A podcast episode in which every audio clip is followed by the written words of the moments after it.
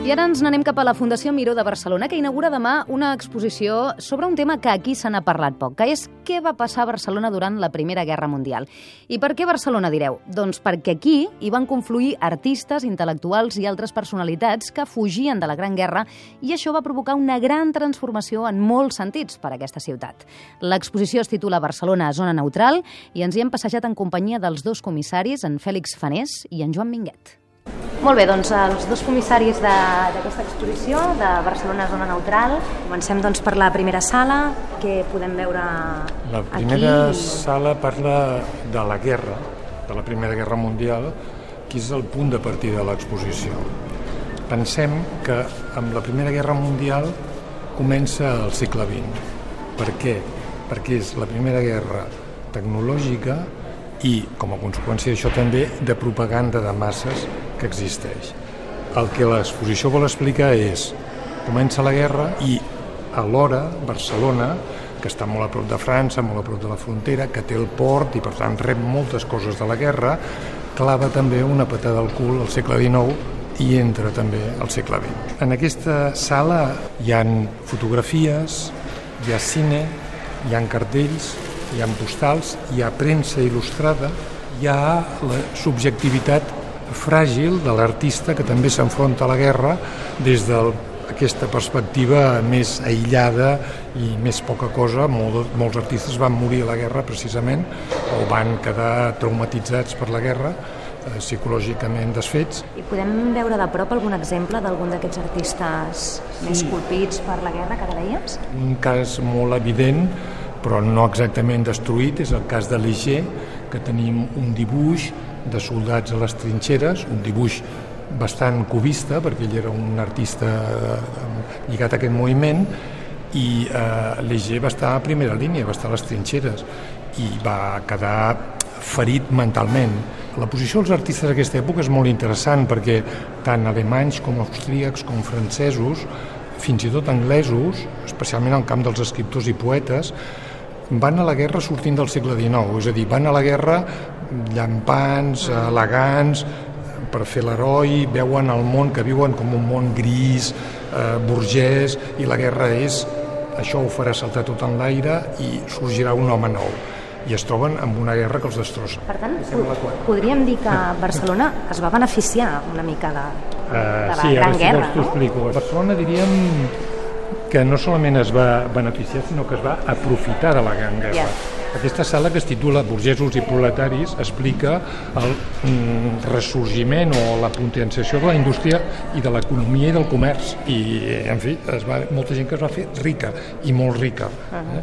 Es parla de que el xampany eh, corria a rius i bé, això hi ha una sala dedicada a la Barcelona de nit, mm. la prostitució, el joc, les drogues, tot això arriba a Barcelona en aquell moment, les drogues, la prostitució n'hi havia abans, però és una prostitució més cara i més europea perquè hi ha mitja Europa a Barcelona. Molt bé, hem, hem canviat de sala, doncs ja, aquí què, què podem veure? Sí, això és um, en Barcelona i la guerra. Potser el més interessant és explicar que Barcelona es va dividir en aliadòfils o Sí. francòfils i germanòfils. Es pot veure molt bé en el món de la caricatura i de la premsa i aquí hem triat unes quantes caricatures originals, però al costat hi hem ensenyat com es reproduïen en els diaris d'alguns artistes extraordinaris del món de la caricatura, com Apa, Picarol, eh, Passarell... Això expressa la fortíssima divisió que hi havia a la societat. Però sobretot ensenyem una cosa que ens sembla que és totalment nova, que és una visita d'intel·lectuals i artistes catalans al front, convidats per l'exèrcit francès, i entre els quals hi havia eh, Ramon Casas, eh, Clarà, Josep Clarà, l'escultor, que després a la sala següent, el noucentisme, hi és, que directament in situ, al voltant de Verdun i de la resta de pobles que ells visiten, fa apunts del natural. I tot aquest seguit d'imatges són apunts directes del front. I, I aquests s'havien vist, aquests dibuixos? No, això no és vivisme. No, eh? no, això no és vivisme. Aquest fet que nosaltres anomenem de zona neutral origina que passin moltes coses eh, respecte al món de l'art. Una la veiem en aquesta sala, que és que per primera vegada en la història dels salons oficials francesos, a causa de la guerra no es pot fer a París i ve, eh, i ve a Barcelona. És molt important. clar. Bueno, és una exposició amb 2.000 peces, eh, de tot tipus eh, de tot tipus d'art, que és molt important des del punt de vista de la, diguem, de, de l'oficialitat, però també eh, pel cantó artístic perquè es podien veure obres que no s'havien pogut veure mai també és cert que no de la més alta modernitat, és a dir, el cubisme ja no hi entra, però sí que de tots els impressionistes, pots impressionistes i de tota la pintura francesa anterior doncs hi ha, hi ha obres. I agafant des d'autors molt poc coneguts, segurament per gran públic, però fins a arribar doncs, una escultura de Rodin o pintures de Pissarro i de Sisley. També ens ha fet molta il·lusió que algunes d'aquestes peces, les que exhibim aquí, són peces que es van comprar en el seu moment per institucions públiques, el Sisley forma part del Museu Nacional d'Art de Catalunya, de la col·lecció, o a eh, col·leccions privades. Tenim dos quadres que van comprar un senyor fa 100 anys i que, si no ens equivoquem, s'exhibeixen per primera vegada des d'aleshores en aquesta exposició. La Basc i el Morisset, que és, que és aquella. I aleshores, dins d'aquesta exposició, sempre en aquesta tensió que, que, que intentem reflectir eh, entre el que en diguem l'alta cultura i la cultura de masses, mm. entre l'obra original i l'obra seriada, que nosaltres intentem mostrar d'una manera com molt democràtica, molt equitativa, no dient això és gran art i això no.